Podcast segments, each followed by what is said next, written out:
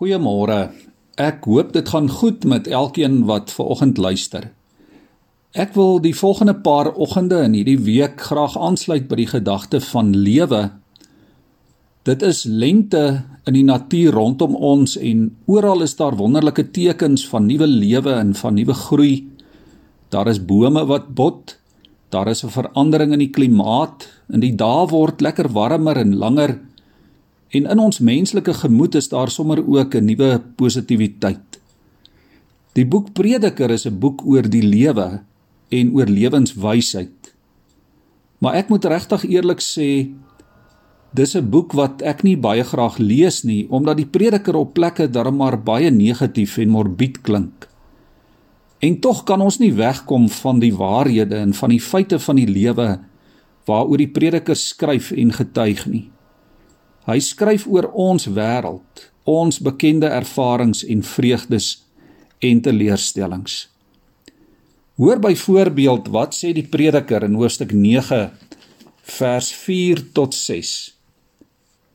Hy sê solank jy onder die lewendes is, het jy hoop.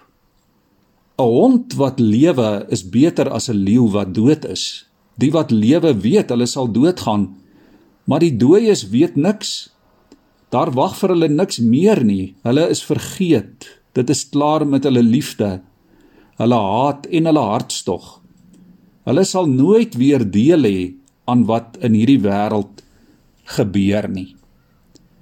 Die prediker sê solank jy onder die lewendes is, het jy hoop.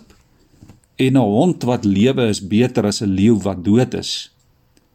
Ons weet vanmôre natuurlik dat dit waar is. Elkeen van ons sal eerder graag wil lewe as om nie te lewe nie. Ek onthou toe ons klein was, het ons baie keer cowboys en kroeks gespeel.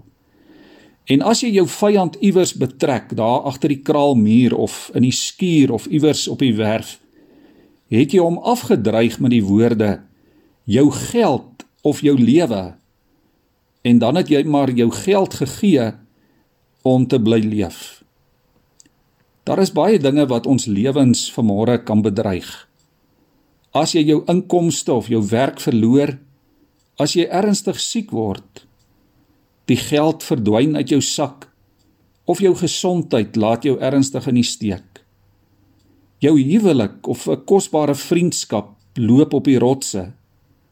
Jy maak verkeerde keuses met vernietigende gevolge Ag daar kan baie ander redes vir môre wees.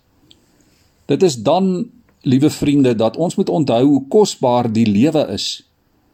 Veral hoe kosbaar die lewe is as jy in Christus 'n verhouding het met God as jou Skepper Vader. Die feit dat jy misluk in die lewe of die feit dat baie dinge in jou lewe kan verkeerd loop, maak jou nie minder waardevol of minder kosbaar vir God nie. Die waardering verminderingsbeginsel tel nie in die koninkryk van die Here nie. Nie eers al die verkeerde dinge wat jy al in jou lewe gedoen het of die skewe paadjies wat jy gister gekies het, kan vandag teen jou tel as jy in die Here se hand leef en sy vergifnis ken nie. Wat belangrik is is vandag dat jy vandag lewe Gister se foute en gebreke is agter jou. God kies om van voor af en oor met jou te begin. Jy kan net wen deur God se aanbod van genade en vergifnis te aanvaar. Die Here wil jou vandag toefou. Hy wil jou toemaak in sy liefde. Jy hoef nie vas te klou aan bitterheid en selfbejammering en aan gister se verwyte nie. God gee vandag vir jou en vir die mense rondom jou en saam met jou nog 'n porsie nuwe lewe. Die Here slaan jou nie oor wanneer hy die brood van die lewe vir môre kom uitdeel en wanneer hy sy gees kom uitstort nie. God het besluit om al jou flou gisters te vergeet. En daarom mag jy self dit nooit lewendig hou nie. Jy kan vandag vry lewe. Jy kan nuut lewe jou rykdom en die sin, die waarde, die doel en betekenis van jou lewe lê nie in jouself nie. Dit lê in God. As ons net 'n bietjie verder in die Prediker boek in hoofstuk 9 lees, dan sê hy daar in vers 7: Eet daarom jou brood met vreugde. Drink jou wyn met 'n bly gemoed. Dra altyd wit klere, versorg jou hare met olie, geniet die lewe met die vrou wat jy liefhet. Doen met toewyding alles wat jou hand vind om te doen. En dan vers 11. Dit is nie die vinnigstes wat die reusies wen nie, nie die sterkstes wat die oorlog wen nie, nie die met wysheid wat kos het nie, nie die verstandiges wat ryk word nie, nie die met kennis met wie dit goed gaan nie. Alles word bepaal deur tyd en geleentheid. Doen met toewyding alles wat jou hand vind om te doen en doen dit vandag. Kom ons bid saam. Here, ons kan nie vanmôre anders as om vir U dankie te sê vir hierdie dag. Here, wat 'n geskenk uit U hand is nie. 'n Geskenk wat U aan ons gee. Dankie Here vir alles wat nuut is.